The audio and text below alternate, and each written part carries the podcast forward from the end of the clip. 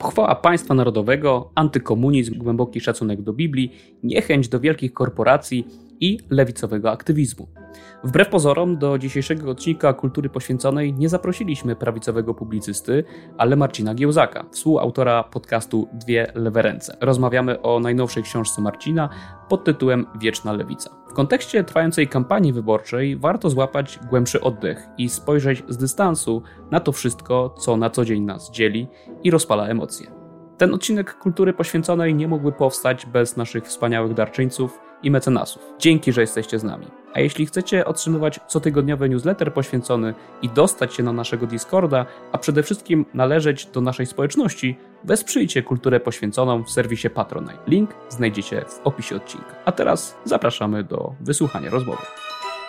Witam wszystkich bardzo serdecznie w kolejnym odcinku Kultury Poświęconej, audycji klubu Jagiellońskiego na czasy postchrześcijańskie, a więc takie, które chcą, a jednocześnie nie potrafią e, zapomnieć o Bogu. Dzisiaj ze mną e, Piotr Kaszyszyn oraz specjalny gość Marcin Giełzak, współautor podcastu Dwie Lewe Ręce oraz autor świeżo wydanej książki Wieczna Lewica i to właśnie o tej książce dzisiaj rozmawiamy. Cześć Marcin. Cześć, dziękuję bardzo za zaproszenie. Cześć Piotrze również. Witam serdecznie. Tak, mały test mikrofonu. Jak e, już zdążyliście zauważyć, uprawiamy dość e, specyficzny odcinek kultury poświęconej w całości online. Lepiej widać nasze twarze, ale mamy nadzieję, że równie dobrze nas słychać jak co tydzień. Chciałem przejść do, do meritum, czyli do Wiecznej Lewicy. Jest to książka dość specyficzna, składająca się z prawie 800 aforyzmów. Na początku pomyślałem, że to jest formuła dość no, anachroniczna lub ktoś dziś pisze książki aforystyczne, a później pomyślałem, że to jest no, coś bardzo nowoczesnego, bo każdy e, z tych, z tych aforyzmów nadaje się na Twittera e, i może rozpętywać gorące dyskusje. I jak obserwowałem Twoje konto na Twitterze, to kilkukrotnie już z tych Twoich złotych myśli e, książkowych korzystałeś. Więc pozwól, że wyjaśnimy naszym, naszym słuchaczom, naszym oglądającym, czym ta wieczna lewica jest i dlaczego w ogóle e, dzisiaj zaprosiliśmy Cię do, do, do, podcastu. Zbliżają się e, wybory i wydaje mi się, że ta polaryzacja polityczna bardzo mocno e, rośnie, więc my, jak to zwykle na przekór, stwierdziliśmy, że zaprosimy kogoś, kto jest z drugiej strony, albo przynajmniej tak się, tak się definiuje, żebyśmy zobaczyli, że tak trochę zajawiając to, co, o czym będzie mówione, że te różnice czasem są. E, może pozorne, może e, czasem jesteśmy niewolnikami e, stereotypów. Ale już przechodząc do e, samej tej tytułowej Wiecznej Lewicy, chciałem przeczytać Wam, Piotrze i Marcinie, oraz, oraz wszystkim słuchaczom, jeden z aforyzmów i żebyś Marcin, słuchając swoich własnych słów napisanych, odniósł się i starał się zdefiniować, czym ta Wieczna Lewica jest. Piszesz, że jest dwóch prawda, patronów wiecznej lewicy, czyli Prometeusz i Lucyfer. Na razie tego Lucyfera zostawmy, żeby nasi katolicy słuchający nie dostawali e, mikrowylewu. Skupmy się na Prometeuszu. E, piszesz tak. Dlaczego Prometeusz? Jego imię znaczy myślący w przód. Najpierw jest myśl, później czyn, a jedno i drugie poprzedza bunt. Kto wierzy w postęp i chce go przybliżyć, musi być złodziejem ognia, który hojnie szafuje sobą. Trzeba być gotowym na rolę spiskowca, przemytnika, wreszcie męczennika.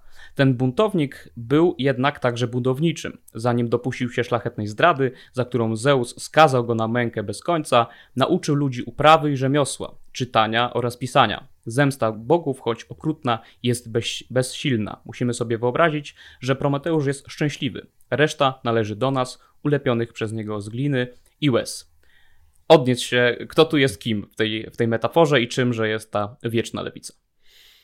E, kawałek dalej jest jeszcze taki aforyzm, że lewica narodziła się, kiedy pierwszy sługa oddał cios e, pierwszemu panu i ani niebo się nie zawaliło, ani ziemia nie zadrżała.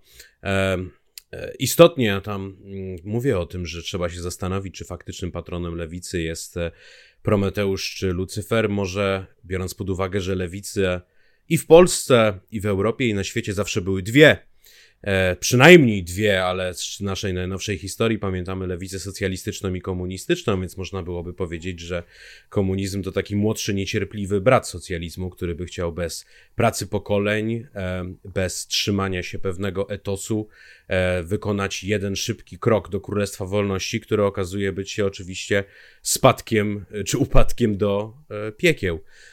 Wolałem więc za patrona obrać sobie mm, Prometeusza, dlatego, bo łączy on według mnie te dwie rzeczy, które są dla lewicy nieodzowne i które ją uwznieślają. Bunt, niezgoda, nieakceptacja świata takiego, jakim jest. Myślę, że ludzie rodzą się z jakimś przyrodzonym, nie wiem czy danym od natury, czy od Boga, o tym jeszcze możemy podyskutować, ale wyczuciem sprawiedliwości, które ja bym porównał do wyobraźni artystycznej.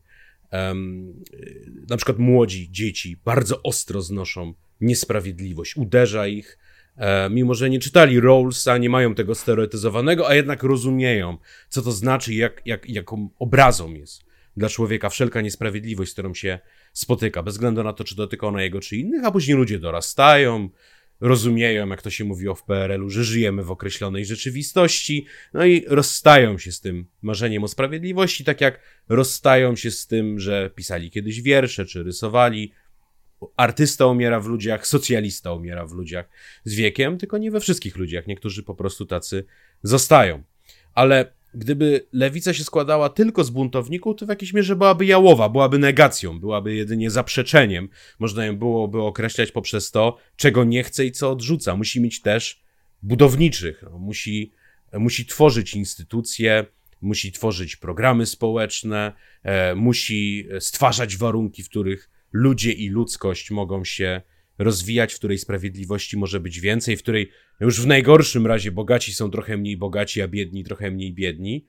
Um, i musi marzyć o swoich szklanych domach, no więc trzeba też e, budowniczych. Prometeusz jest tu patronem wprost wymarzonym, bo ile pamiętamy go przede wszystkim z tego heroicznego aktu e, kradzieży ognia bogom, który przekazał następnie ludziom, no to jak i w tym fragmencie jest wspomniane, Prometeusz był też tym, który przekazał nam wiedzę, który, który sprawił, że właściwie człowiek Stał się człowiekiem, oddzielił się wyraziście od zwierząt.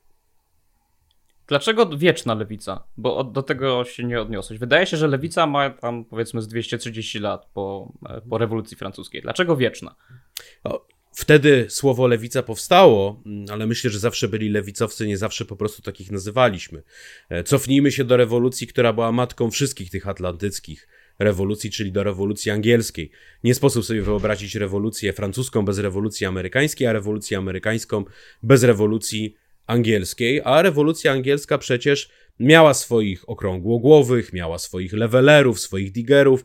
No, czy nie możemy tych ludzi z łatwością, biorąc pod uwagę ich radykalny program społeczny, ich odrzucenie monarchii, e, ich, e, ich wolę do budowy nowego społeczeństwa określić jak na owe czasy e, lewicą? No i tak cofając się stopniowo przez kolejne, przez kolejne tumulty historii, przez kolejne wielkie wydarzenia.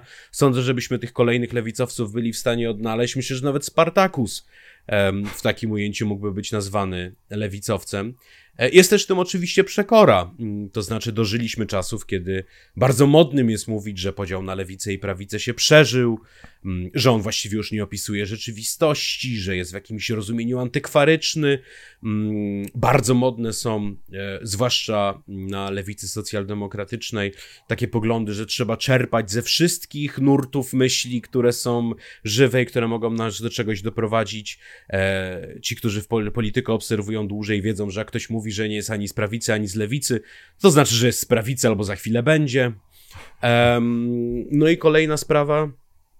Zależało mi też na tym, żeby, mm, żeby pokazać, że mm, to też nie jest tak, że ta lewica, którą dzisiaj widzimy, ci, którzy się lewicą nazywają, to jest jedyna lewicowa oferta, jaką da się wymyśleć, że my jesteśmy skazani na taki skrajny e, prezentyzm i tutaj zaciągam jakieś długi intelektualne u u przyjaciół e, i, i towarzyszy konserwatywnych, którzy przecież mają całą tradycję mówiącą im, e, że mm, to nie jest tak, że każdy, kto się nazywa prawicą czy konserwatystą, e, to jest wszystko, na co, na co należy zwracać uwagę, że były inne prawice, że istnieją spory w ramach prawicy, no i, i tyle, ile było prawic, tyle też było lewicę, więc ja e, e, z ironią, mm, ale czasami nazywam się reakcjonistą lewicy, to znaczy uważam, że dawniej lewica szła w lepszym kierunku i, należałoby przywrócić niektóre z tradycji, a mamy lewicowców, którzy tak bardzo tradycji mm, nie lubią, że nawet zdeptali tradycje lewicowe. Tak, odnosząc się do tego e, dystansu twojego, który też jakoś przeziera przez, przez wieczną lewicę e, wobec stanu współczesnej lewicy, też lewicy polskiej, chciałem może wywołać e, Piotra do, do odpowiedzi, no bo w tym micie Prometeusza są jasno rozdane role. To jasne, że Prometeusz jest tym dobrym, natomiast Zeus i pozostali bogowie Olimpu czymś złym. Jeśli zgodzić się na takie na taką mitologizację e, naszych e, światopoglądów, no to wieczna prawica jest czymś niesprawiedliwym, jest czymś ciemiężącym, jest czymś w ogóle nieciekawym, bo kto chciałby być w micie o Prometeuszu e, Zeusem, tym zadufanym w sobie, niezbyt ogarniętym, mściwym i niesprawiedliwym bożkiem. Czy ty, Kaszczu, uważasz się za przedstawiciela wiecznej prawicy? Tylko nie mów, że wiecznej lewicy, bo chcę się trochę pokłócić. E, ani wiecznej prawicy, ani wiecznej lewicy, e, bo należałoby chyba powiedzieć ewentualnie z naszej perspektywy o jakimś wiecznym katolicyzmie, e, jak już, jakbyśmy się mieli definiować. Tak jak Cię słuchałem, Marcinie, to co mi się najbardziej rzuciło w oczy i było na końcu i to było najbardziej intrygujące, też w jednym z aforyzmów użyłeś takiego pojęcia, które mi, się skojarzyło z, z brytyjskim historykiem Rickiem Hobsbawmem, mówiąc o, o, o starych, dobrych tradycjach, które albo trzeba odnaleźć w historii, albo trzeba je wynaleźć, tak jak mieliśmy, prawda, w, e, e, książkę o, o wynajdywaniu właśnie tradycji. I cała ta twoja wypowiedź, która się odnosiła, czy odnosiła się, czy operowała na poziomie wyobraźni politycznej, sięgającej właśnie do języka wręcz mitycznego, czy do języka mitologicznego, to tak w naszej debacie publicznej można powiedzieć nawet, że poszedłeś jeszcze krok dalej niż, niż idzie Remigiusz Okraska, no bo on w tej prawda, alternatywnej lewicy e, tutaj w polskiej debacie publicznej, to sięga powiedzmy po XIX-wieczne głównie. E, pamiętam jak na potrzeby pracy magisterskiej i później niedoszłego doktoratu e, wertowałem stronę lewicowo.pl z źródłowymi tekstami lewicy. Niesamowita w ogóle sprawa, to że... Pomnikowe dzieło. Nie, nie, tak, to, że Remigiusz nie otrzymał za to jakiegoś orderu od ministra kultury jest jakby skandalem niebotycznym. E, bo to, co on e, tam wykonał pracę pod kątem no właśnie dziedzictwa polskiej myśli politycznej jest coś niesamowitego, no ale ty idziesz jeszcze dalej pod kątem tym, e, tej mityczności. To jest dla mnie najbardziej intrygujące, bo też nie wiem, choćby w kulturze poświęconej, nawiązując do wiecznej prawicy czy wiecznego katolicyzmu, też jakby bardzo istotne dla nas jest mówienie pewnym językiem mitycznym, językiem baśniowym. Ty Kostek często się prawda odwołujesz do Campbella, jakoś próbujemy w tych archetypach też nieraz, ty masz prawda, słabość do Junga, czego do końca nie rozumiem, E, ale że y, też jakby próbujemy wyjść poza, e, poza ten prezentyzm. I ja tutaj chciałem postawić jakieś pytanie albo hipotezę e, na koniec, ale jej nie mam. To znaczy, fascynuje mnie trochę, że pojawiła się jakaś właśnie po drugiej stronie, nawet jeżeli z mojej perspektywy to jest jakaś taka jednoosobowa lewica, mityczna, i to jest coś na polskim gruncie dla mnie nowego i intrygującego i bardzo interesującego po prostu intelektualnie. O, mit jest niczym, który jest wszystkim, mm, prawda? I mit zawsze był bardzo ważny e, historycznie dla lewicy. Sorel e, rozpisywał się na ten temat i twierdził przecież, że mit strajku powszechnego może być tym, wokół czego zbuduje się e, poparcie dla lewicy, dlatego, bo ludzie będą widzieli, że jest to wielkie jutro, jest to, jest to coś, co jest za rogiem. Po tym strajku powszechnym, który obali stary system, kiedy pokażemy naszą prawdziwą siłę, nastanie inny, lepszy e, porządek. Marksizm tak naprawdę był oparty na micie. Zresztą moja krytyka marksizmu, którą zawarłem e, w jednej z wcześniejszych książek, czyli w antykomunistach lewicy, w dużej mierze na tym bazuje. Mm, I, I, ważna też rzecz, oprócz mitu, mm, która mną kierowała, kiedy tą książkę pisałem, to jest też zainspirowanie się moralistyką. Mm, moralistyką nierozumianą jako moralizatorstwo, tylko jako gatunek literacki. To jak pisali tacy ludzie jak, jak Rochefoucauld, jak Wauvernac, jak Chamfort, którzy z kolei zainspirowali niczego, mm, zainspirowali mm, e, Emila Ciorana, czy z prawicowych myślicieli Nikolasa Gomeza Davile, czy Michaela Klonowskiego, e, ja zacząłem myśleć podobnie jak moraliści, to znaczy o lewicy nie jako zbiorze doktryn, czy jako ideologii, bo to wszystko jest przejściowe.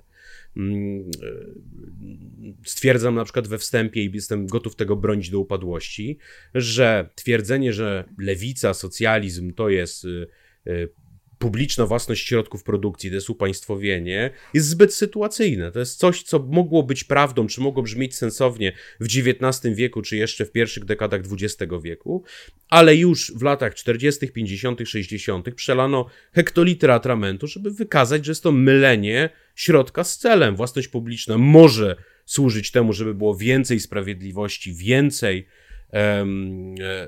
wyzwolonego ludzkiego potencjału, e, mniej biedy, mniej wyzysku i tak dalej, ale nie musi. Ponieważ społeczeństwa komunistyczne udowodniły, że nie musi. A nawet kapitalistyczne to wykazały. W Anglii był taki nurt w Partii Pracy, który mówił, że jak państwo jest pracodawcą, to niekoniecznie się z nim łatwiej negocjuje. Poza tym, jak państwo jest pracodawcą, to wyzbywa się roli arbitra, no bo siłą rzeczy jest stroną sporu. Um, do dzisiaj zresztą ten nurt E, istnieje pod nazwą e, Blue Labour. E, jego głównym, mm, jego głównym ideologiem jest, jest Morris Grassman, już dzisiaj Lord mm, Glassman mm, i e, również on dla mnie był bardzo inspirujący. I co za tym idzie, skoro wychodzimy z tej pozycji, że chodzi o, o podejście moralistyczne, o oparcie się na etykę, a nie o e, nie o doktryny, nie o ideologię, no to zadałem sobie kolejne pytanie, czy w takim razie moglibyśmy stworzyć taki typ idealny lewicowca, tak jak Nietzsche miał swojego nadczłowieka, jak Kierkegaard albo Kierkegaard, jeżeli oglądają nas skandynawiści, e, miał swojego rycerza wiary, no to czy może być lewicowiec jako, jako typ idealny? I czy patrząc na różne rodzaje lewicowców, związkowca, bojowca, feministkę i tak dalej, możemy wydestylować Mm, taki typ osobowościowy, za którym ludzie mogliby podążać, co też próbowałem zrobić, więc jeżeli ktoś chce czytać tę książkę jako takie hagakure e, dla lewicy, gdzie zamiast samuraja mamy, mamy socjalistę, e, to według mnie też może, zresztą, zresztą ja też hagakure kilkanaście razy przeczytałem i dla mnie to też było inspirujące, że tutaj autor y, tak naprawdę anegdotą, aforyzmem, urywkiem odkrywa prawdy, które są bardzo ogólne i ponadczasowe. Więc ja szukałem tej, tej lewicy ponadczasowej. Starałem się dowieść tezy, że zanim człowiek był, lewica już tu była i czekała na niego. To ja, e, e, jeśli pozwolisz, Kostku, e, może nie to jest, nie jest polemika, to będzie jakieś takie uzupełnienie, które przyszło mi też do głowy w trakcie tej lektury. Wiadomo, że czyta się zawsze z jakiejś pozycji, ja czytam z pozycji katolickiej i te odwołania raz po raz mniej lub bardziej pozytywne, najczęściej bardziej pozytywne do, do chrześcijaństwa, bardzo mi się rzucały w oczy.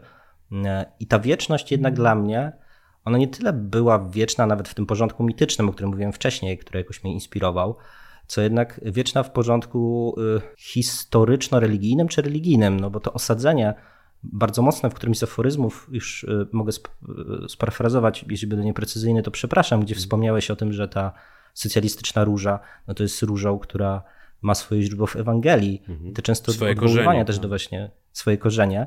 E, I to często odwoływanie się do chrześcijaństwa, no z mojej perspektywy miałem takie poczucie, teraz też tak samo zresztą jak wspominałeś o tym marksizmie, mówiłeś o Sorelu, o micie e, strajku e, powszechnego, no to ja mam takie poczucie, że operujemy po prostu kategoriami przerobionymi trochę, czy dostosowanymi do języka politycznego, do języka lewicy, z chrześcijaństwa trochę, tak nie wiem, immanentyzujemy eschatan, jakieś e, to powiedzenie e, e, z Wogelina, czy bardziej powiedzmy z Karla Schmidta, tak, i z jego, jego tezy, że pojęcia polityczne, no to są pojęcia teologiczne przystosowane.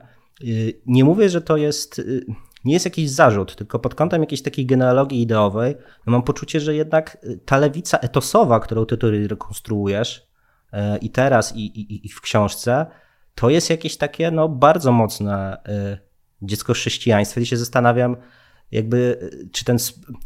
jeszcze jedna rzecz, y, jeszcze jeden ten aforyzm o tych katakumbach, mówiących o tym, że to sobie wynotowałem, że uwierzyłbym tylko w taki kościół, który wróciłby do katakumb. No to jest tak, że co, ta wieczna lewica to jest jakieś tak poczucie, że Kościół zawiódł, że chrześcijaństwo trochę zawiodło i my teraz musimy to zrobić lepiej, bo wy za bardzo patrzycie w, z perspektywy y, życia wiecznego pod, podoczesności, a trzeba się jednak trochę bardziej zainteresować tą doczesnością. No jest taki aforyzm e, też tam, który jest e, wprost nawiązaniem do, do Ewangelii, mm, mianowicie, że jeżeli Chrystus zmartwychwstał, to daremna jest nasza lewicowa nauka, ale nie jest daremne nasze działanie.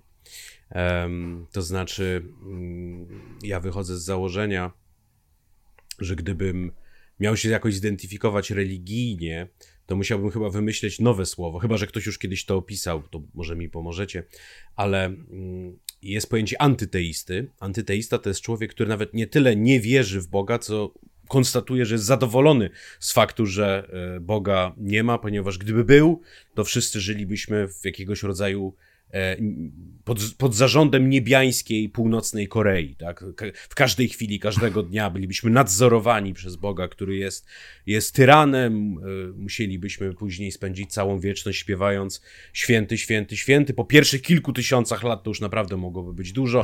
Um, więc antyteista mówi nie tylko, że Boga nie ma, ale bardzo dobrze, że go nie ma. A gdyby był, to byłbym w opozycji wobec niego. I uważam, że na przeciwległym końcu antyteisty mógłby być proteista. A proteista to byłby człowiek, który stwierdza, że mm, nie, nie uważam, że to prawda. Nie, znaczy, nie uważam, że, że Jehowa istnieje tak jak my istniejemy, że jest tym, który jest, ale nie byłbym rozczarowany, gdybym się dowiedział, że się mylę. Dlatego, bo jedną z rzeczy, które najbardziej mi spędzają sens powiek, jest poczucie, że to, co musi być dla lewicowca najważniejsze, czyli sprawiedliwość, jest tylko umową jest tylko konstruktem społecznym i że w dowolnym momencie możemy się nadziać na, na e, bandycką ripostę, no a kto tak mówi? E, a może w innym społeczeństwie, a nie wiem, w trzeciej Rzeszy ktoś na przykład powie, a my mamy inną umowę społeczną. I zupełnie inaczej rozumiemy te wartości. I dlaczego wasza umowa społeczna jest lepsza od naszej umowy społecznej, skoro tak jest, jak się komu wydaje, to wszystko jest zupełnie uznaniowe. No, jeżeli nie możemy sprawiedliwości oprzeć na takim bardzo e, twardym gruncie, to wszystko się sypie, no to, to, to, to jeżeli lewicowiec mówi, że tak jest i on na to macha ręką, to myślę, że sam sobie kłamie. To jest bardzo niepokojąca e, myśl i wolałoby się myśleć, że mm, jest jakiś logos albo chociaż jakieś Tao. E, zawsze miałem taką instynktowną sympatię względem taoizmu, bo taoizm daje się pogodzić, mówiąc starym językiem, ze światopoglądem naukowym to, to, to, w, to, to, o co walczymy w tym życiu albo w następnym jest w ogóle osiągalne um, i nie jest wyłącznie produktem chemii naszego umysłu. Um, więc e, w tym rozumieniu patrzenie na wartości lewicowe jako na zeświadczone wartości chrześcijańskie, jako, jako na wzięcie chrześcijańskiej moralności, ale już bez zresztą Clement Attlee, były brytyjski premier, to powiedział wprost, tak? Znaczy, zostaje z chrześcijaństwa etyka, a nie czary mary. No, on, on powiedział mambo jumbo na, ca- na wszystko, co jest poza etyką. E, zresztą ostatnio, jak robiliśmy w dwóch lewych rękach e, wywiad z z amerykańską badaczką, mm, która krytykuje woke z lewicowej perspektywy, Catherine Liu. E, I ją zapytałem, no to w końcu jak jest? To w końcu są e, wszystkie idee, idee polityczne ze świadczonymi ideami e, religijnymi? Czy, czy, czy Erich Fogeli miał rację? Ja powiedziała tak. Moim zdaniem tak. Tak jak po alchemii przychodzi chemia, tak jak po astrologii przychodzi astronomia, tak po religii przychodzi, przychodzi świat idei i, i w tym świecie idei idee lewicowe są ewangeliczne i dla mnie, e, dla mnie wszystko w lewicy jest negocjowalne poza, mm, e, poza tą, tym głodem sprawiedliwości. E, I nie przez przypadek mówię głodem sprawiedliwości, bo jedna z rzeczy, która mnie szczególnie irytuje, zwłaszcza naszych parlamentarzystów lewicowych, oni mają taką figurę retoryczną, którą kochają. Dlaczego, dlaczego wybrał pan e, drogę lewej ręki? Dlaczego pan jest lewicowcem? I oni bardzo często mówią, no bo trzeba pomagać słabszym, trzeba pomagać tym, którzy sobie nie radzą. To jest taka pozycja, że z góry, arystokratyczna pozycja, że no ja jestem ten silniejszy, ten zaradniejszy, ten powiedzmy sobie szczerze, lepszy, i jeszcze ta moja lepszość podwójnie się wyraża w tym, że jeszcze mam czas, wolę, chęć i środki, żeby się pochylić nad tym e, gorszym. A ja myślę bardziej, e, jak myślał Krzywicki, że dłużnikiem jestem. Otrzymałem pewien, przywilej z racji, z racji urodzenia, wykształcenia i tak dalej. I teraz muszę ten dług spłacać. I myślę, jak myślał Robert Burns, kiedy pisał Elegię na wiejskim cmentarzu. Podobno, e, podobno nie ma takiego pamfletu, który wyprodukował tylu socjalistów, co ten wiersz. Więc czytajcie go ostrożnie, e, ale spoilując, spoilując, wygląda on w ten sposób, że sobie Burns chodzi po wiejskim cmentarzu i mówi, może tutaj leży człowiek, który napisałby strofy piękniejsze niż Szekspir. Może tutaj leży człowiek, który e, popłynąłby dalej niż Magellan. Może tutaj leży człowiek, który wygrałby bitwy, które, mm, które ośmieszyłyby Aleksandra i Cezara. Ale nigdy się o tym nie dowiemy, bo nikt z nich nigdy nie opuścił tej wsi i nikt z nich nigdy nie nauczył się czytać i pisać. Marnotrawstwo talentu, marnotrawstwo ludzkiego ducha jest najstraszliwszym marnotrawstwem, które najpierw feudalizm, a później kapitalizm miały mm, na koncie. Komunizm zresztą też. I, e, I to też jest kolejny, kolejne źródło tej wiecznej lewicy. To przeczucie, które mamy, że, że tak świat wyglądać nie musi. To zatrzymam się na, na tym kilku myślach, które, które wrzuciliście panowie, bo przez chyba 15 minut milczałem i moja głowa buzuje od, od komentarzy, ale wydaje mi się, że, że warto byłoby poczynić tutaj dwie uwagi. Pierwsza jest taka, że bałem się, Marcin, mówić tobie z takiej pozycji właśnie wyższościowej być może, którą ty często krytykujesz, że pan Marcin Giełzak w Wiecznej Lewicy to jest taki człowiek w przedpokoju wiary chrześcijańskiej. My lubimy to mówić w kulturze poświęconej, zauważając na przykład w niektórych odłamkach współczesnej popkultury, że ona gdzieś tam, e, gdyby ją bardziej poskrobać, no to zbliża się mocno e, do Boga. Tymczasem ty sam przyznajesz, że w tym przedpokoju wiary jakoś jesteś, więc cieszę się, że, że, nie, że nie muszę tutaj prezentować jakiejś wyższościowej e, postawy. Nie, raz, raz powiedział mi jezuita, że pan jest anima naturaliter Christiana, dusza, dusza w naturalny sposób chrześcijańska. A druga rzecz, napisałem to w tekście, w którym e, proponuję wypowiedzenie konkordatu że o ile jestem na wskroś świecki, to rozumiem doskonale, że Ewangelia płynie w moich żyłach. Jestem Polakiem, jestem Europejczykiem. Mogę nie być chrześcijaninem, ale jestem skazanym na bycie obywatelem Christianitas. To jest według mnie po prostu kwestia pewnego determinizmu e, Przepraszam, mamy już tytuł odcinka. Jestem obywatelem Christianitas. Wspaniale. Dobry, dobry clickbait. Tak. Do, do tych jak jeszcze rzeczy e, związanych z tym e, jakby odłamkami chrześcijańskiej myśli, czy, czy może nawet nie odłamkami, ale jakimiś fundamentami, jeszcze bym mhm. wrócił w, w tej rozmowie, bo chciałem e, przejść do drugiego punktu, czyli, mm, czyli punktów wspólnych kultury poświęconej, jak sądzę. Przepraszam, Piotr, jeśli, jeśli teraz jakoś mówię za ciebie. Że będę polemizował później odnieść. Tak, wydaje mi się, że w tej całej Twojej książce jest kilka elementów, które są mocno wspólne z tym, co my od prawie, no już od ponad dwóch lat w kulturze poświęconej robimy.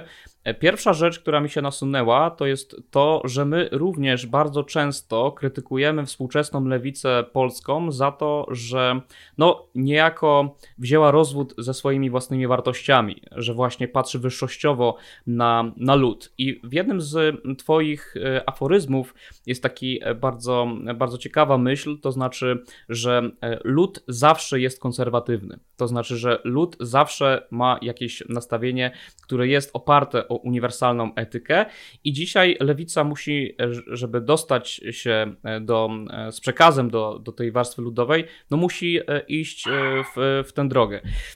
Moje pytanie jest takie, czy, czy to nie jest jakieś takie zagrożenie, żeby no trochę, jak to się mówi brzydko, zawracać kijem Wisłę, tak? To znaczy lewica już jest na takim stopniu wyalienowania od, od ludu w Polsce, że wydawało mi się, że ten postulat jest po pierwsze słuszny, ale jest nierealizowalny przez ludzi lewicy, bo jest zbyt dobrze zagospodarowany na przykład w Polsce przez Prawo i Sprawiedliwość. Jakbyś mógł odnieść się do takiego komentarza wobec, wobec współczesnej lewicy polskiej. Jak ty sobie to wyobrażasz, że co, nagle lewica jak lewica ma się stać w Polsce ponownie lewicą ludową? Dwie sprawy. Po pierwsze, co mamy na myśli, kiedy mówimy, że lud jest konserwatywny?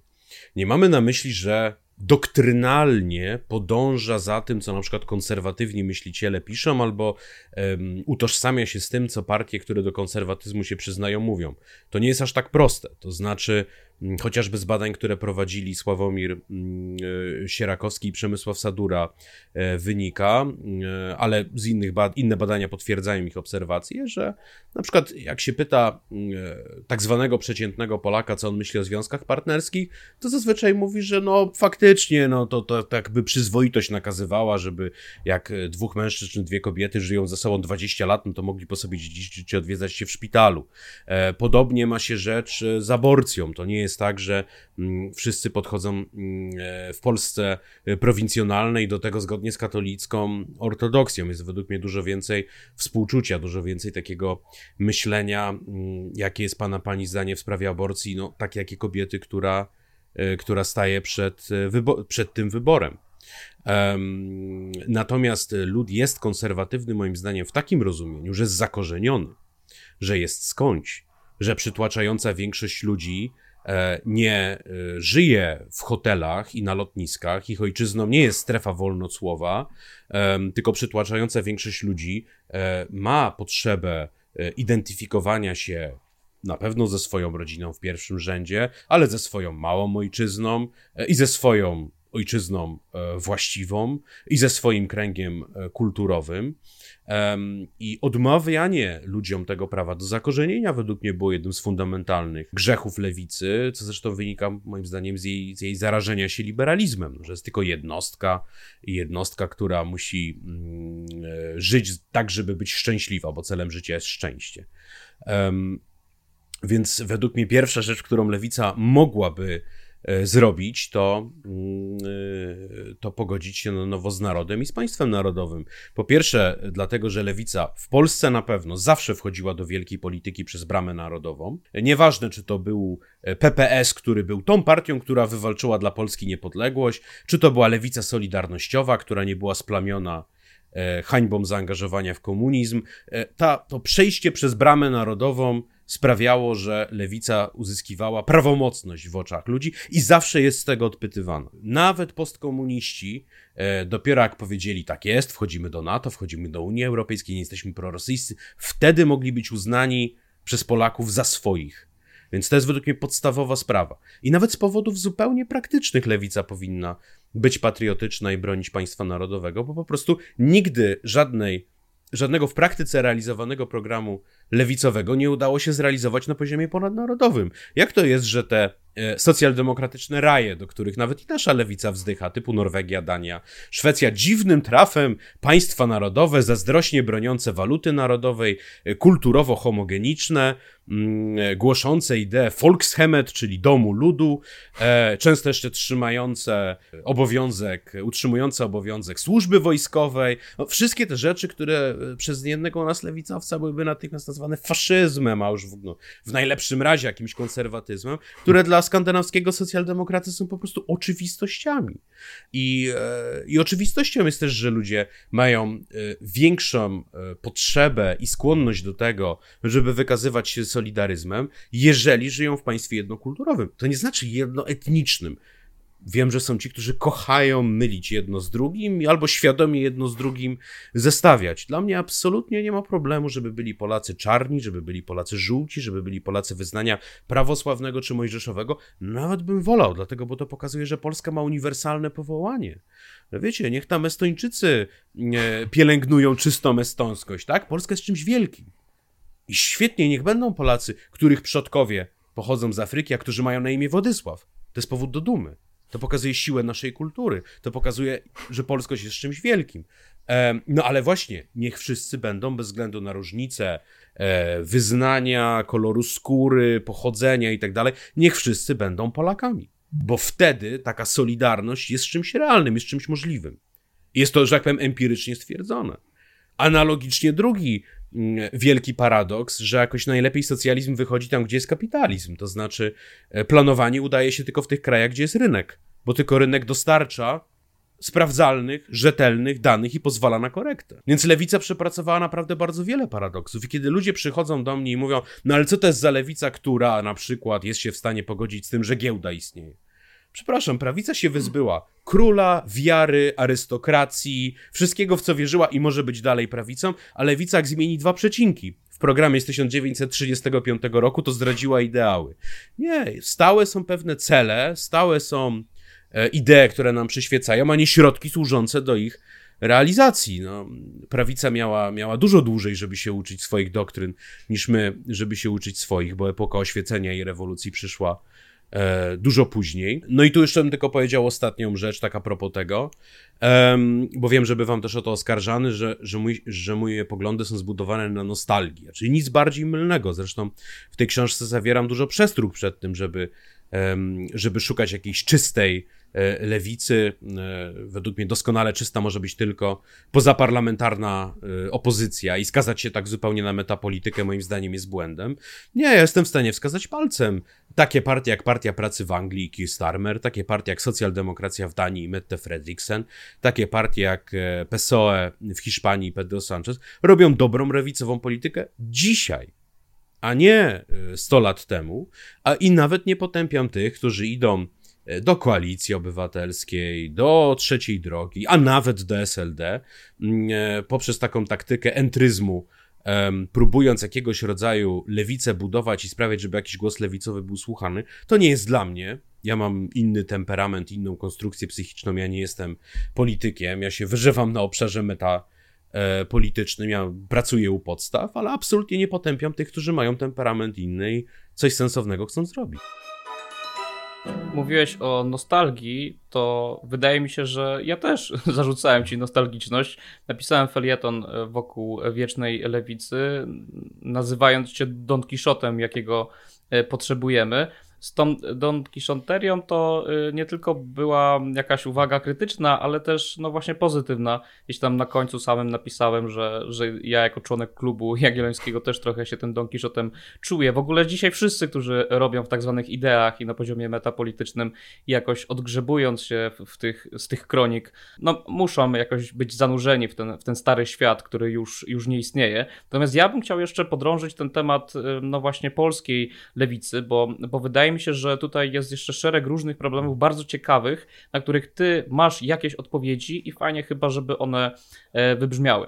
Ostatnio sobie słuchałem u Paciorka, Adrian Zandberg był z dawna niewidziany chyba w mediach, a to dziwne, bo jest środek kampanii wyborczej i wszędzie widzę Biedronia z, e, z Czarzastym. Y, a Zandberg, który dla, dla mnie jest y, ciekawy i z którym można dyskutować, jest jakoś, nie wiem, ukryty.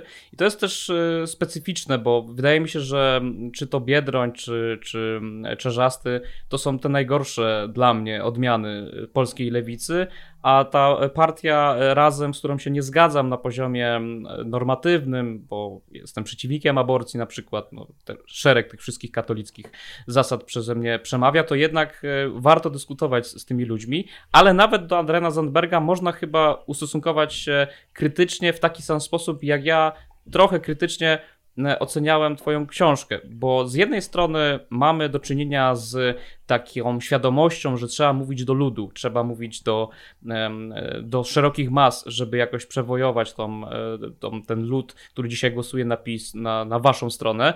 Natomiast e, z drugiej strony ta Twoja praca, jak i często język Adriana Zandberga jest na tyle elitarystyczny, że po prostu nie trafia.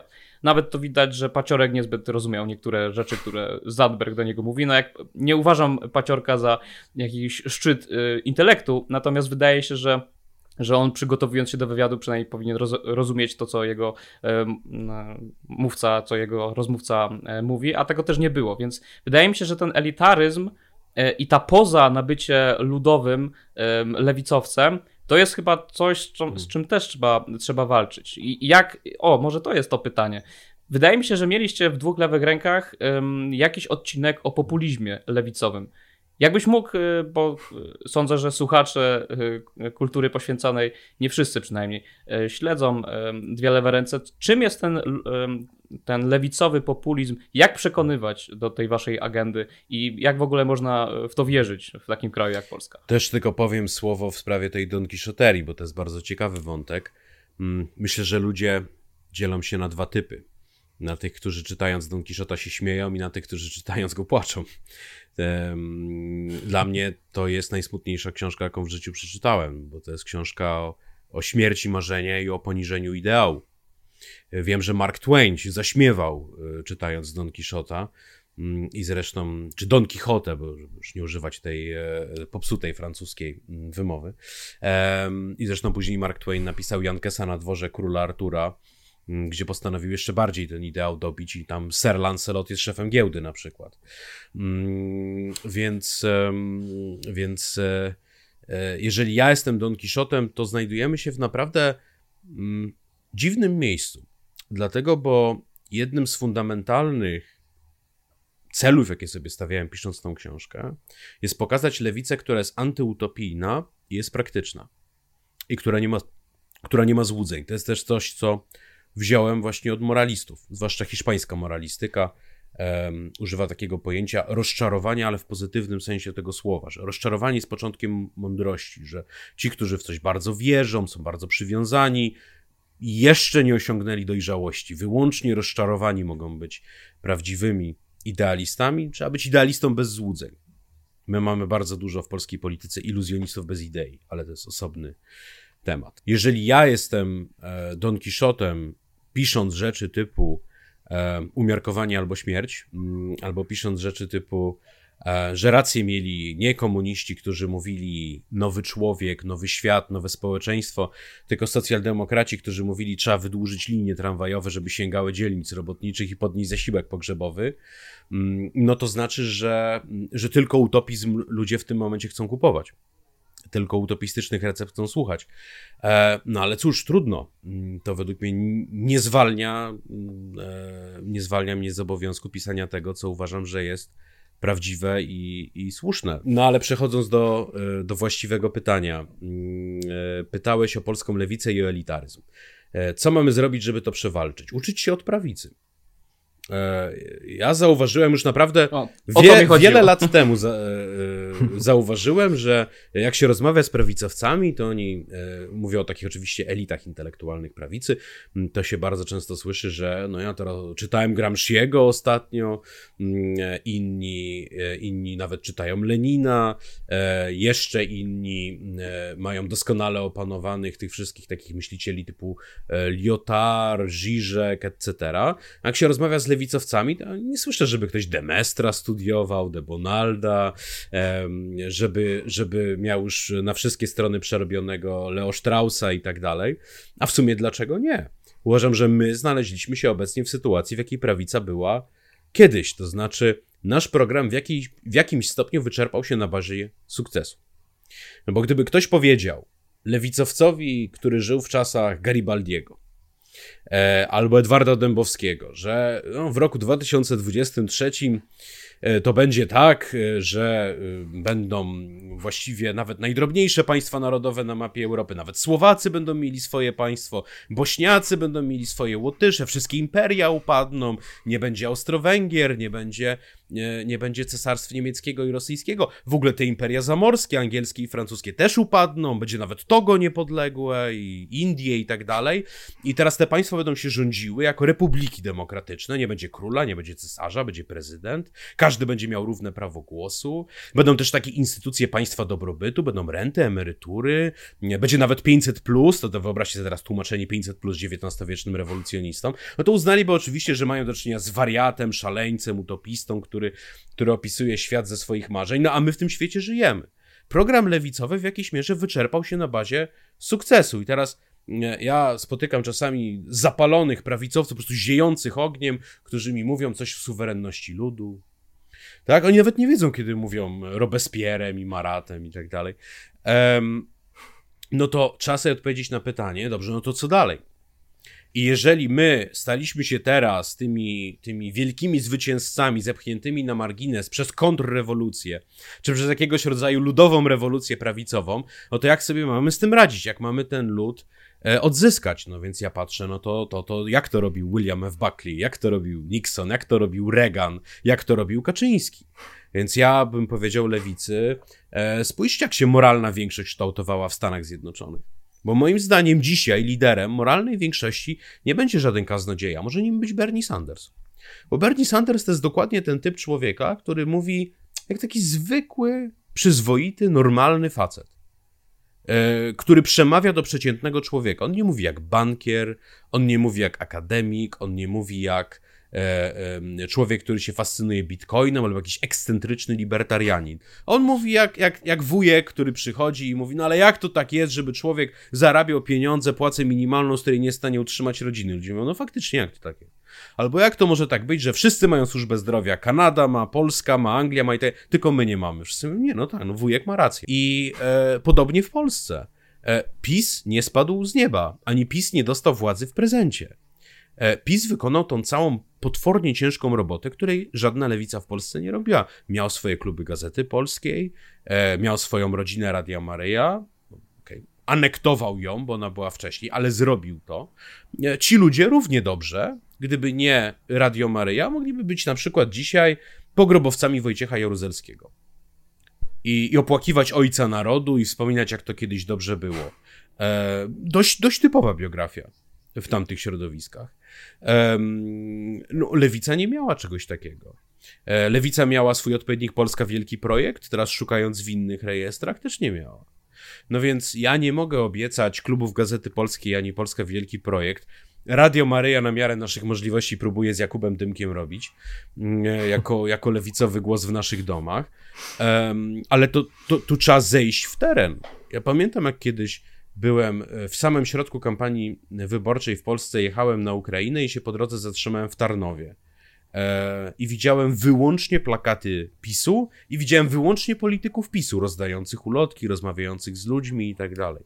E, no, od tego jest lewica. I lewica musi być mocna w terenie, a biuro poselskie posła lewicy to nie jest takie samo biuro poselskie jak każde inne.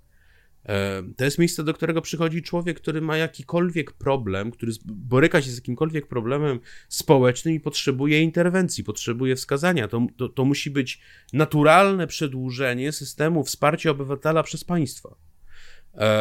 Lewica ma tutaj po prostu dużo więcej obowiązków niż inni mają. Musi od siebie więcej wymagać. I kiedy będzie robić wszystkie te rzeczy, i jeszcze na to nałoży mm, to, o czym mówiłem wcześniej, znaczy przeprosi się z patriotyzmem, z narodem, przypomni sobie, że pierwszym premierem II Rzeczpospolitej był socjalista, drugim premierem był socjalista i ostatnim uznawanym przez świat był Tomasz Arciszewski, socjalista, notabene w koalicji z Narodową Demokracją. no to wtedy, to wtedy może coś zrozumie. E, no i kiedy oczywiście rozstanie się, ale uważam, że to już się dzieje, to jak ja słucham jak ja słucham Adriana Zandberga, Magdaleny Bijat, to ja już to widzę, że to już też nie jest taka kserolewica, która tylko, co tam się w Kalifornii dzieje, to teraz musimy to przenieść do Polski. Nie, oni są już dużo bardziej zakorzenieni w gruncie ojczystym i w polskich problemach i jak Adrian Zandberg dostaje pytanie w Onecie, mm, ja się potem dowiedziałem, że to jest pytanie bezczelne i podchwytliwe, dlaczego miałbym na pana zagłosować. Ale kiedy Adrian Zandberg dostał to pytanie, to, e, to mu trzeba było przerywać bo on mówił dlaczego? Bo zrobi, sprawę mieszkań, która w Polsce od 30 lat leży odłogiem. Bo załatwimy sprawę wynagrodzenia w budżetówce i nie będziecie widzieli napisu wakat e, w okienku, tylko będziecie mieli kompetentnego, dobrze opłacanego urzędnika, który załatwi waszą sprawę.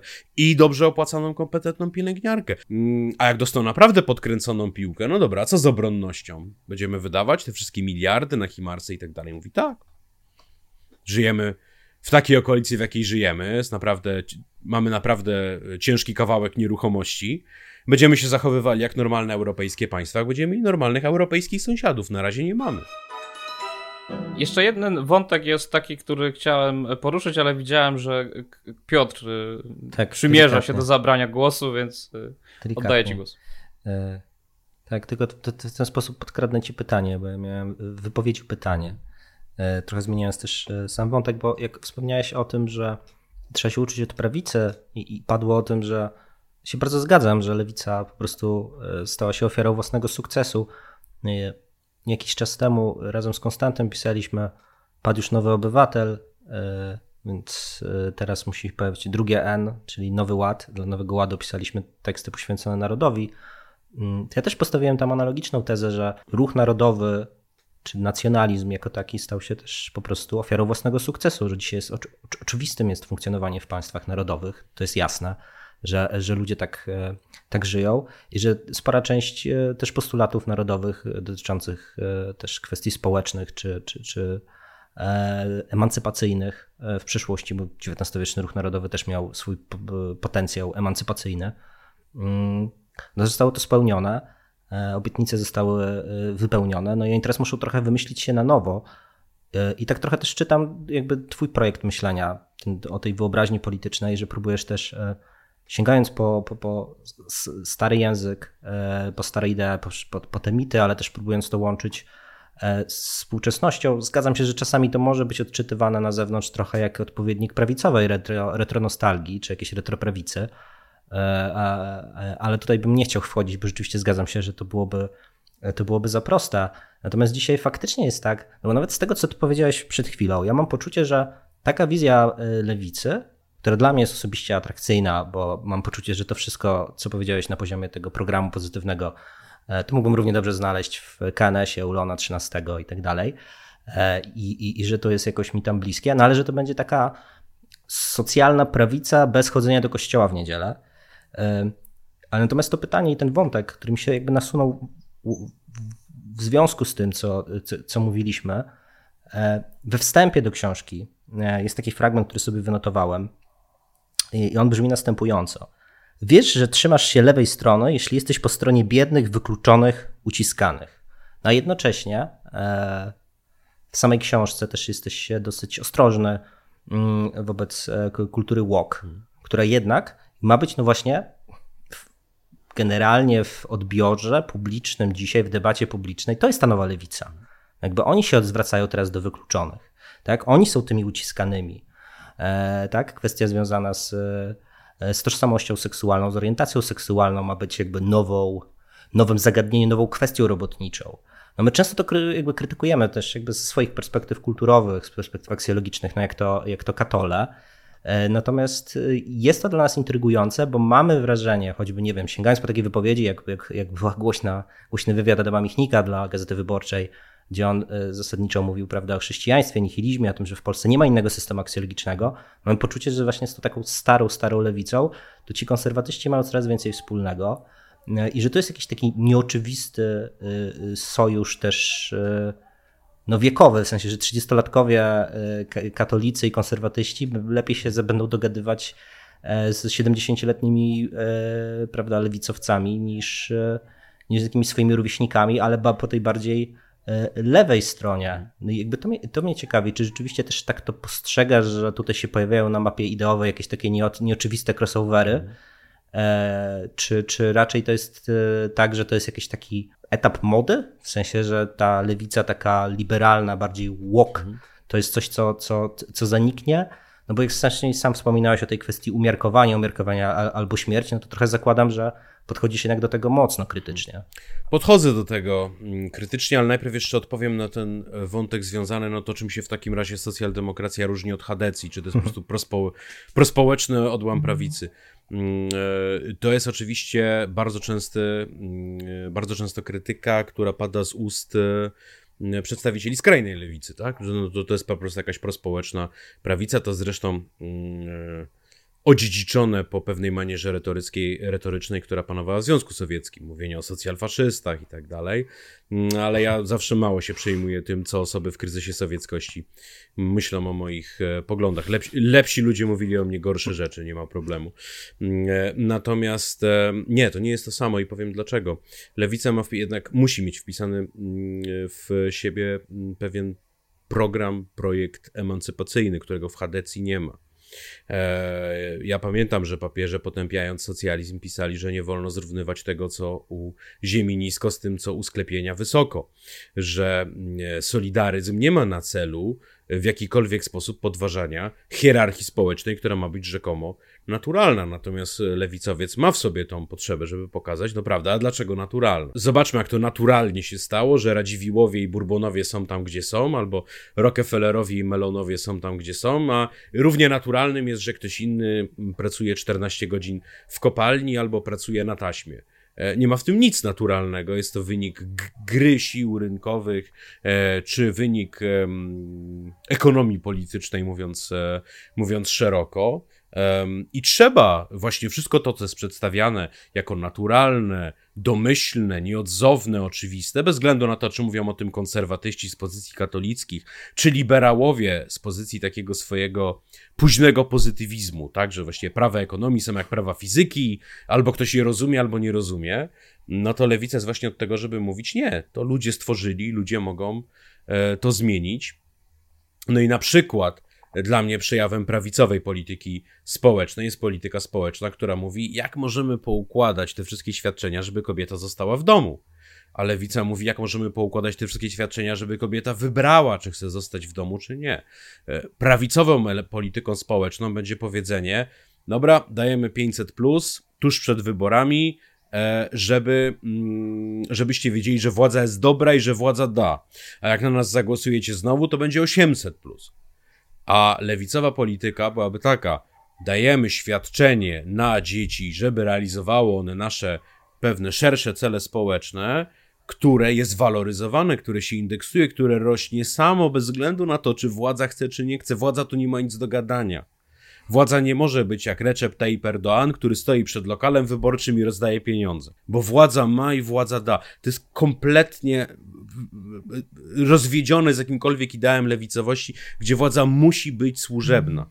Dla wszystkich wszystko, dla nas nic. To jest, e, to jest lewicowe hasło. E, oczywiście nie każda lewica jest mu zawsze wierna i tak dalej, no ale ideały są po to, żeby do nich zmierzać, nigdy ich nie dosięgniemy, ale, ale taka jest idea. Prawica chce tu czegoś innego. Tak. Prawica według mnie myśli tutaj bardziej, jak myślał Nicolas Gomez Davila, że to, czego lud potrzebuje, to jest prawdziwa arystokracja taka, która dba o swój lud, która mu nie pozwoli umrzeć z głodu, e, a nie taka wulgarna, noworyszowska burżuazja, która przyszła teraz i rządzi światem. A lewica odrzuca tę wizję. Podobnie jak lewica odrzuca e, inne słowa mm, Dawili, które moim zdaniem są niezwykle celne. Mm, e, to znaczy, że prawica to obrona przywileju. Znaczy, ja, ja marzę o społeczeństwie, w którym nikt nie ma przywileju. Ja zwykłem mówić, że woke jest najlepszym y, narzędziem do niszczenia lewicy od czasów faszyzmu.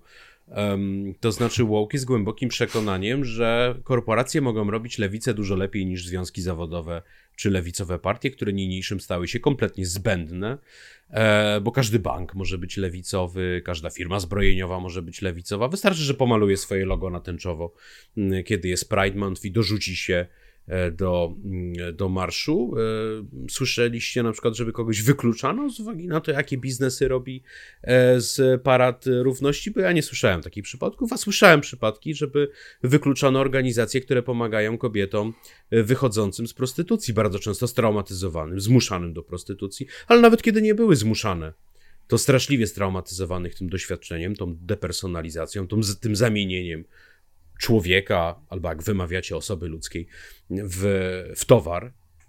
No, no najbardziej powiedziałbym skrajnym takim utowarowieniem, jakie można sobie e, wyobrazić.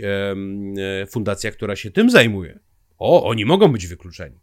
E, dlatego, bo poniżają czy deprecjonują sex work. Jak mogliśmy tego nie zobaczyć wcześniej? Można jeszcze i tak zarabiać pieniądze. I to można zmonetyzować. I jeszcze twierdzić, że robimy to w imię lewicowych ideałów, kiedy lewica głosiła 200 lat hasło delegalizacji prostytucji i niektóre partie lewicowe robią to do tej pory, poprzez delegalizację rozumiejąc karanie klientów.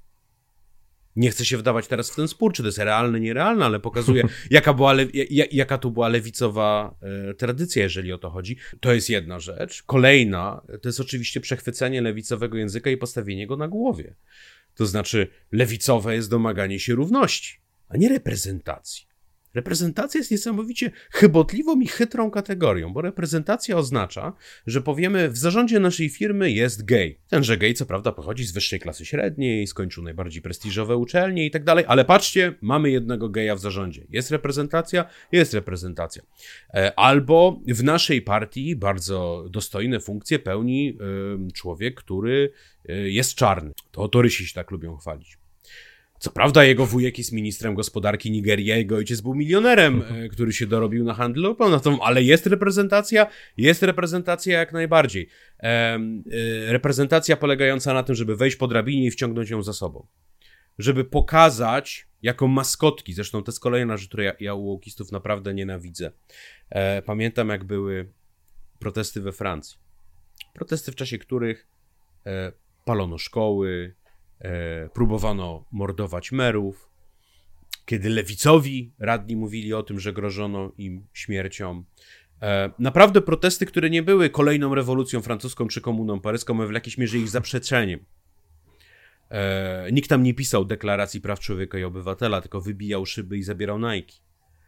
E, I kiedy ja przyszedłem po prostu objuczony książkami, artykułami, cytatami z Francuzów pochodzenia algierskiego, marokańskiego, senegalskiego, którzy potępiali te wydarzenia z lewicowej perspektywy, używając lewicowych argumentów, to słyszałem, że to są kolaboranci, że to są e, fałszywi czarni, fałszywi Algierczycy, bo oni śpiewają Marsyliankę. A co może być mniej lewicowego niż śpiewać hymn rewolucji? Znaczy, ja naprawdę już nie mam czasu żeby z ludźmi, którzy mówią takie rzeczy, wdawać się w polemiki. Ci ludzie lewicy szczerze nienawidzą. E, I pamiętam, jak rozmawiałem długo ze znajomym, który jest Francuzem libańskiego pochodzenia, i on powiedział: Ty mi o tym mówisz? Ja muszę żyć w świecie, w którym biały zbawca, siedząc na wysokim koniu, tłumaczy mi, że ja powinienem nienawidzieć swojej ojczyzny, w której się urodziłem, dlatego, bo mój pradziadek się urodził w Bejrucie. I powinienem spalić szkołę a nie zadbać o to, żeby szkoła była dostępna dla wszystkich, żeby na najbardziej prestiżowe szkoły mogli również chodzić ludzie, którzy są ode mnie. Ja kocham Francję i słyszę w związku z powyższym, że jestem zdrajcą. Zdrajcą czego? Więc to jest ten obłęd. Jest obowiązkiem lewicy złołk sobie dać radę, tak jak jest obowiązkiem prawicy E, radzić sobie ze skrajną prawicą, tak obowiązkiem lewicy jest pozbyć się tego problemu. Nikt tego nie zrobi za lewicowców. Uważam, że prawica jest zachwycona woke i chce, żeby woke trwał w nieskończoność. Pamiętam, e, była całkiem niedawno konferencja prasowa przywódcy brytyjskiej partii pracy Kira Starmera na temat edukacji. I Starmer opowiada, co zrobimy, na co wydamy pieniądze, jak przebijemy sufit klasowy, jak sprawimy, żeby dzieci z gorszych dzielnic mogły chodzić do lepszych szkół i pnąć się wyżej, co zrobimy, żeby dzieci tak, które są z wykluczonych e, także obszarów z powodów etnicznych, z powodów religijnych, żeby i one mogły e, pójść do najlepszych szkół, żeby i one mogły, e, mogły później robić karierę, e, robić to, co chcą w życiu i lewicowi dziennikarze pytają, no a skąd weźmiecie pieniądze na to, skąd weźmiecie pieniądze na tamto? A czy naprawdę uważacie, że kluby śniadaniowe to lepsza polityka niż darmowy obiad? I wreszcie do głosu dorywa się prawicowy dziennikarz i o co pyta? Co będzie z łazienkami dla osób trans w szkołach, panie przewodniczący? Bo wiemy, że to jest pułapka, ponieważ ta jedna setka będzie we wszystkich mediach. I Keir Starmer powiedział, zobaczymy. Powołamy komisję, zbierzemy ekspertów, e, znajdziemy racjonalne rozwiązanie tego problemu, który dotyczy tak jakiegoś bardzo drobnego promila e, dzieci, które są w Anglii. Podejdziemy do tego z empatią, podejdziemy do tego słuchając się ekspertów. Ale nie o tym jest ta konferencja prasowa. Krótko mówiąc, uniknął tej kuli. Ale czy to dotyczy drobnego promila dzieci w Anglii? W jednym sensie tak. Ale w innym sensie, kiedy robi się teraz ankiety w angielskich liceach, to w jednym wyszło, że osób niebinarnych albo trans jest tam 38%. To jest po prostu biologiczną niemożliwością. Więc to też jest kwestia, e, moim zdaniem, promocji kultury pewnego rodzaju skrajnego indywidualizmu. Tak, tutaj się zgadzamy, ale na koniec chciałbym przejść do, do tych różnic, bo wydaje mi się, że fajnie, żeby one jednak e, wybrzmiały. Możemy się z wieloma rzeczami zgadzać i zresztą tak trochę odkrywając karty, e, po to cię zaprosiliśmy, bo, bo z wieloma rzeczami z, z wiecznej lewicy e, no się to... zgadzamy. Natomiast chciałem się przy, mhm. przyczepić do kilku, do kilku rzeczy. Pierwsza e, jest taka sprawa o, mm, o różnicy między lewicą a, a powiedzmy e, katolicyzmem i fajnie, żeby ona wybrzmiała, czy może nie tylko między lewicą a, katolicyzmem, co lewicą a, a chrześcijańską demokracją. Wydaje mi się, że e, tutaj zbyt uprościłeś sobie swojego wroga, mówiąc o tym, że no właśnie chrześcijańska demokracja, taka prawdziwa z Leona XIII, a nie z tej rozmydlonej niemieckiej Hadecji, to jest taka, która nie ma tego projektu emancypacyjnego. Ja bym powiedział, że Hadecja Leona XIII ma projekt emancypacyjny, tylko on nie jest do, doczesny, ale wieczny. Tak? tak w polskim kontekście byśmy, e, cytując e, na przykład pieśń Konfederatów Barskich, powiedzieli, że nigdy z królami nie będziemy w aliansach, nigdy przed mocą nie ugniemy szyli, bo u Chrystusa my na ordynansach słudzy Maryi. Tak? Te dwa ostatnie wersy przez Hadecję Europejską zostały zapomniane i ten katolicyzm no, jest po prostu grała, grą o pełną stawkę. E, to, z czego, co chyba różni twoją wieczną lewicę od, od takiej Hadecji, jak ja ją dobrze rozumiem, to jest to, że okej, okay, pewne nierówności są e, rzeczą naturalną, a nie tylko i wyłącznie kwestią umowy społecznej. Kłania się tutaj na przykład przypowieść o talentach. Ludzie różnią się, ludzie rodzą się po prostu różni i są jakieś granice tego konstruktywizmu e, społecznego. No ale z drugiej strony nie wszystko kończy się na tym celu doczesnym, bo tak naprawdę to, co e, Hadecja Leona XIII mówiła, to, że cel ludzi jest celem, e, no właśnie, niedoczesnym, ale, ale wiecznym, tak? Tutaj jesteśmy tylko na chwilę i naszą doczesną rzeczywistość powinniśmy normować tak, żebyśmy tu wszyscy wytrzymali bez radykalnych napięć i właśnie tego rewolucjonizmu, który się Leonowi XIII nie podobał. I e, tak jak czytałem te twoje kilka aforyzmów dotyczących czy to chrześcijaństwa, czy to właśnie Hadecji, to miałem takie wrażenie, że ty czytasz chrześcijańską demokrację, czy w ogóle powoływanie się na katolicyzm w Polsce przez takie neoliberalne okulary. I to rzeczywiście jest jakaś charakterystyka u nas w, debacie publicznej.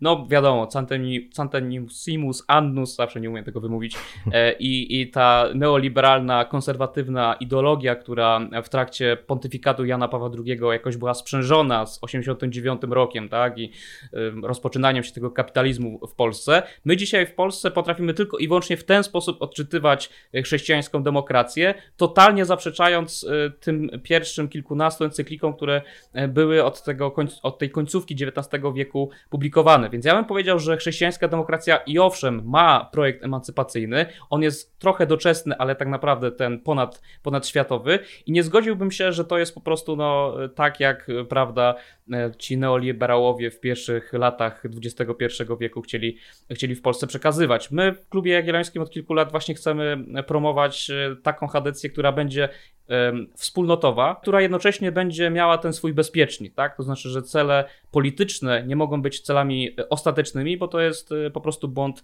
błąd kategorialny. I wydaje mi się, że, że tutaj jest taki największy, z mojej perspektywy, komunikat ja, jakaś niezgoda między tym, co ty piszesz, między wieczną lewicą, a tym wiecznym katolicyzmem, który my byśmy z Kaszczem pewnie promowali. Pełna zgoda. Ja, jeśli mogę. W sprawie niezgody. Jedną, jedną rzecz.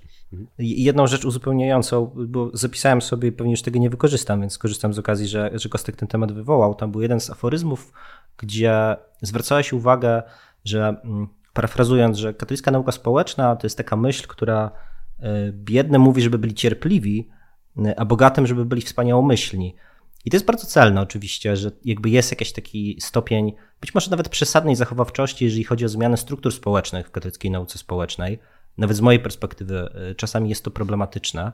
E, natomiast mam wrażenie, że to jest o tyle za łatwe e, ogranie tego tematu, że tak naprawdę paradoksalnie to, co ty chyba wydaje mi się w tym, chciałeś troszkę jakby zwrócić uwagę złośliwie na, na właśnie pewną zachowawczość, to jest w tym jakaś głęboka mądrość, w tym sensie, że to jest trochę taki spór, mam wrażenie, między reformowaniem przez cnotę, a reformowaniem przez instytucje. To znaczy, że w tej katolickiej nauce społecznej i w, w takim podejściu właśnie bardziej zachowawczym jest właśnie mocniejsze postawienie na to, że okej, okay, jakby jest pewna natura ludzka, która jest, ma swoje ograniczenia. My byśmy powiedzieli, że to wynika też z grzechu pierworodnego. W związku z tym, że tak, że trochę musimy nawoływać, żeby biedni byli cierpliwi, a bogaci byli wspaniałomyślni, w tym sensie, że musimy zmieniać przede wszystkim charakter, musimy kształtować cnotę, bo sama zmiana, e, teraz oczywiście upraszczając, jakby powiedziałby, zakładam lewicowiec, że w pierwszej kolejności jakby kluczowe jest to, żeby zmienić instytucje,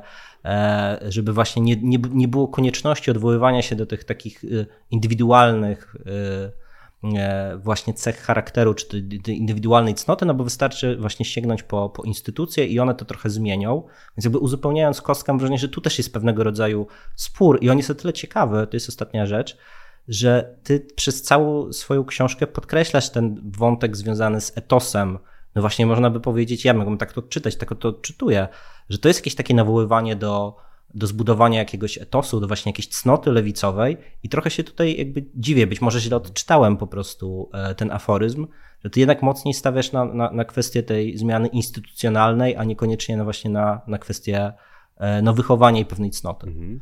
E, bardzo, bardzo słuszne uwagi. Mm, to znaczy, zgadzam się w zupełności, że różni nas to, że dla mnie nie jest e, dość dobrym powiedzenie, po śmierci będziecie wolni i równi. Mm, projekt emancypacyjny musimy zostawić na moment, w którym przestaniecie oddychać. E, tak to i kaznodzieja mówił niewolnikom. Po śmierci nie będzie już panów, po śmierci będzie tylko jeden pan, prawda? Nie, dla mnie to po prostu nie jest dość dobre. E, kolejna sprawa, gdybym był owym właścicielem niewolników, gdybym był owym bogaczem, gdybym był owym nawet wyzyskiwaczem, to szczerze mówiąc bardzo by mi się podobało takie postawienie sprawy, że mm, wszystko to się opiera na zakładzie Pascala i o, mo, może po śmierci zapłacę cenę, może nie, ale póki jesteśmy tu i teraz, e, no to nic zbyt gwałtownego się przeciwko moim interesom nie wydarzy, ponieważ ci, którzy są pode mną, słuchają cały czas, że nie mogą się przeciwko mnie buntować, można się co najwyżej odwoływać do mojego serca, które raczej będzie twarde. Mm, więc e, tak, uważam, że tu jest pewna niewystarczalność. I w tym bardzo wąskim rozumieniu powiedziałbym, że nie tyle jest teologia wyzwolenia, co wyzwolenie od teologii, a czy w momencie, w którym człowiek przestaje w to wierzyć, to jest moment, w którym może powiedzieć, ten ład ludzie stworzyli, ludzie mogą go zmienić, a nawet ludzie powinni go zmienić. Zgadzam się także co do tego, że cnota jest rzeczą bardzo ważną i zagubioną, tak? Znaczy, właściwie to słowo już się nie pojawia e, w dyskusjach o polityce, e, a według mnie ci myśliciele, którzy próbują je wskrzesić z perspektyw czy konserwatywnych, czy komunitariańskich, um, robią bardzo słusznie. I to także cnota w takim renesansowym rozumieniu virtu, czyli też takiej gotowości do działania. Nie, nie, nie, tylko cnota, którą ja noszę w sobie, jestem taki prawy i szlachetny, tylko, mm, tylko to jest także moja gotowość do działania i zmieniania świata. Dlatego wtedy natychmiast powstaje pytanie, ale jak? No i ja twierdzę, że ten etos, on musi najpierw być w ludziach, ale oni muszą potem tym etosem ożywiać instytucje. Dlatego, bo nie ma takiego problemu społecznego, przynajmniej ja nie mam świadomości, żeby komukolwiek się kiedykolwiek to udało, który rozwiązano filantropią. To znaczy, że był istotny problem społeczny, nie wiem, niedożywionych dzieci, kobiet umierających w czasie porodu i tak dalej, ale znaleźliśmy dostatecznie dużo ludzi dobrej woli, żeby im pomóc. Nie, to zawsze rozwiązują na koniec je instytucje. No tylko kto te instytucje stworzy? Kto w nich będzie pracował, kto przegłosuje w parlamencie, jak one mają wyglądać i ile mają dostawać finansowania. Wyłącznie ludzi, który, których ożywia bardzo konkretny etos. I ten etos po prostu musi zostać zinstytucjonalizowany, tak żeby nigdy los człowieka w jego najbardziej podstawowych prawach w jego prawie do, do życia, w jego prawie do, do dachu nad głową i tak dalej, nie był zależny wyłącznie od dobrej woli czy kaprysu drugiego człowieka, ale żeby był zredefiniowany, co lewica zawsze próbowała zrobić, jako prawo. Tak? To już deklaracja praw człowieka zaczęła mówić w kategoriach praw. No i ostatnia niezgoda, e, no ten antyrewolucjonizm e, nie może być przez lewicę zaakceptowany tak a priorycznie, to znaczy ja nie szukam rewolucji tam, gdzie ona nie jest potrzebna. I zgadzam się z, z Fryderykiem Engelsem, że gdzie droga realna, gdzie droga legalna istnieje, jest drogą jedyną, ale czasami tak nie jest. I wycytowaliście klasykę, to ja też zacytuję. To ja bym powiedział zemsty, zemsty, zemsty na wroga z Bogiem, choćby i bez Boga. To znaczy, nie słuchałbym się żadnego papieża, który by mi mówił, że car jest moim królem. I, I, nie miałbym żadnego problemu, żeby strzelać do, e, do e, policmajstrów i kozaków e, na, na terenie Polski przez Rosję zniewolonej i nie wierzyłbym w to, że jakiś odwieczny ład stoi za tym, że trzeba uznać to, co, mm, to, co jest. Nie, trzeba to usunąć rewolucyjnie, a słowo rewolucja na różne sposoby splugawione przez rewolucję, czy rosyjską, czy, czy kubańską, czy chińską, według mnie odzyskało blask y, na Ukrainie i w Gruzji. E, kiedy zobaczyliśmy, co to naprawdę znaczy lud na barykadach, kiedy każdy papierek jest uprzątnięty, kiedy ludzie nagle się robią jacyś bardziej wyprostowani, kiedy lud staje się jakby świadomy samego siebie, swojego powołania, swojej misji, którą odczuwa, jakąś misję dziejową w sobie. um, i który mówi tyranowi, dlaczego właściwie miałbyś nami rządzić? Kto cię wyznaczył do tej roli?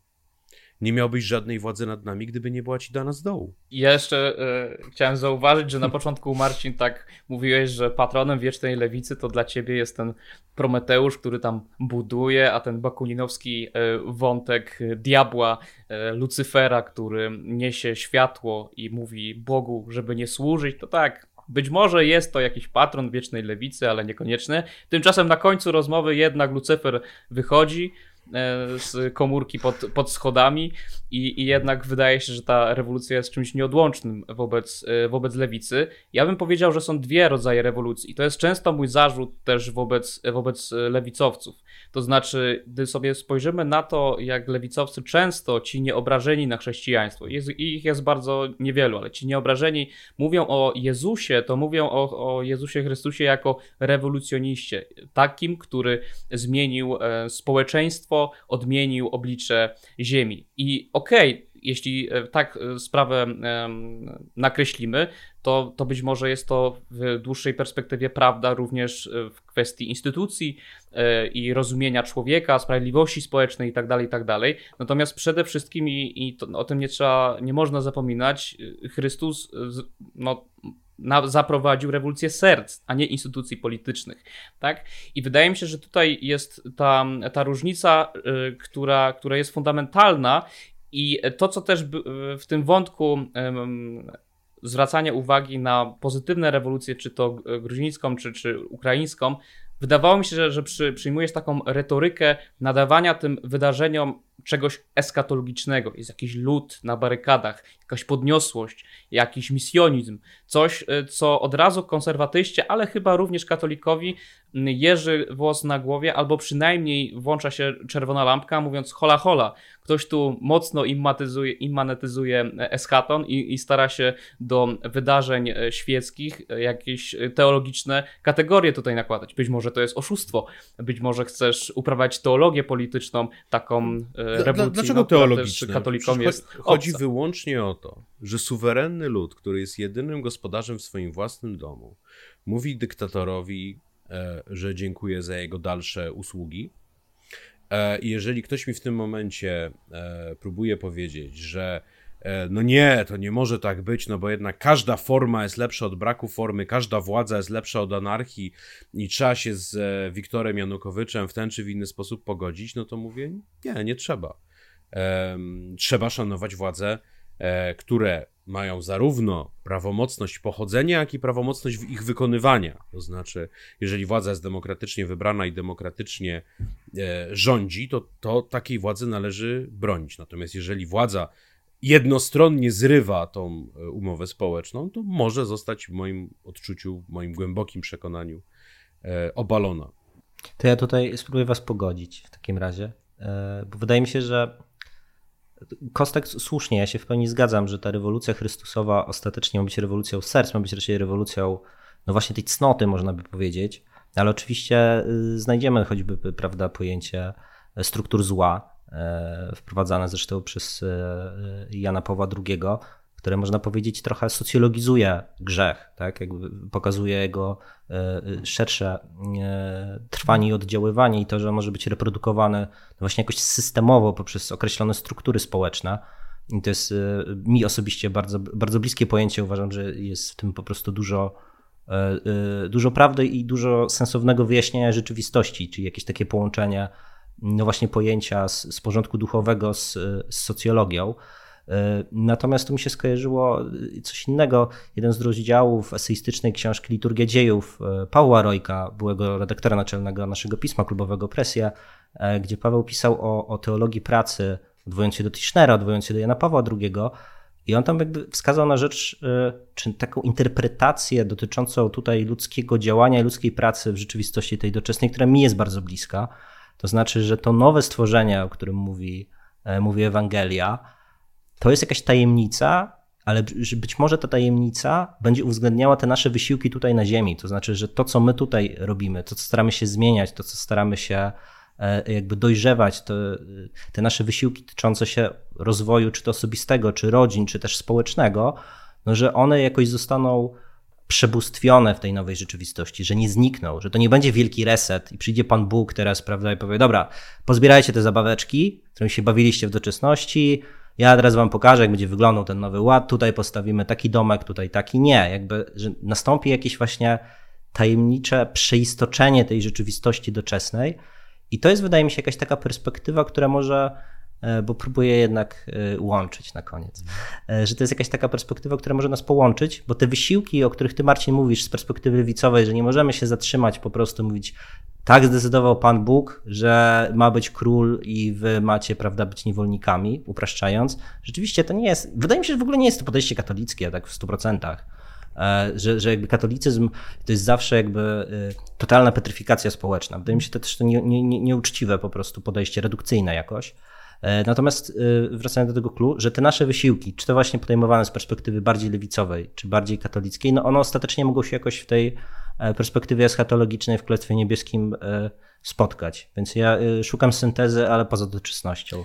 No to, Wydaje mi się to no to intelektualnie. Szczyt tego, co mogę wam zaoferować poza doczesnością, to chyba słowa Augustyna, że Kościół jest jedyną instytucją znaną człowiekowi, w której są ci, którzy przy wszystkich pozorach bycia na zewnątrz są wewnątrz, i ci, którzy przy wszystkich pozorach bycia wewnątrz są na zewnątrz.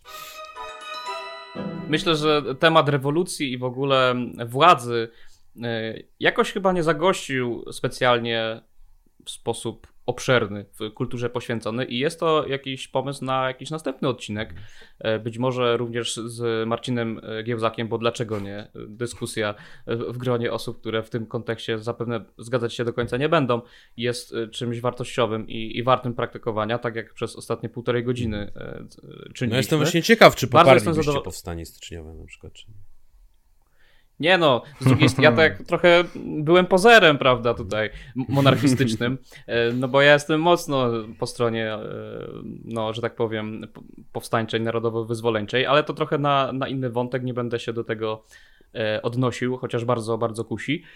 Marcinie, bardzo Ci ja dziękuję bym poparł. za, za Ja mogę powiedzieć, że bym poparł. No to ja bym był w czerwonych, wy w białych i byśmy byli w jednym lesie być może. No idealnie, więc... idealnie. Super. To był odcinek kultury poświęcony. Jeśli e, podobała się Wam wasza, nasza rozmowa, e, wesprzyjcie nas na, na Patronite. Linka znajdziecie w opisie. A jeśli spodobała Wam się e, rozmowa z Marcinem Giełzakiem, naszym dzisiejszym gościem, to pamiętajcie, że Wieczna Lewica jest do kupienia. Można w linku, w linku pod, pod odcinkiem również e, damy. Słuchajcie dwóch lewych rąk, nawet jeśli się z nimi nie zgadzacie, a może właśnie dlatego, jeśli się nie zgadzacie. Dzięki Marcin za, za dobrą rozmowę i za dobrą robotę, którą wykonujesz. Bardzo dziękuję. Tak, wspaniały dziękuję format, dwie lewe ręce i e, dwie prawe ręce i jedna lewa. Dzięki.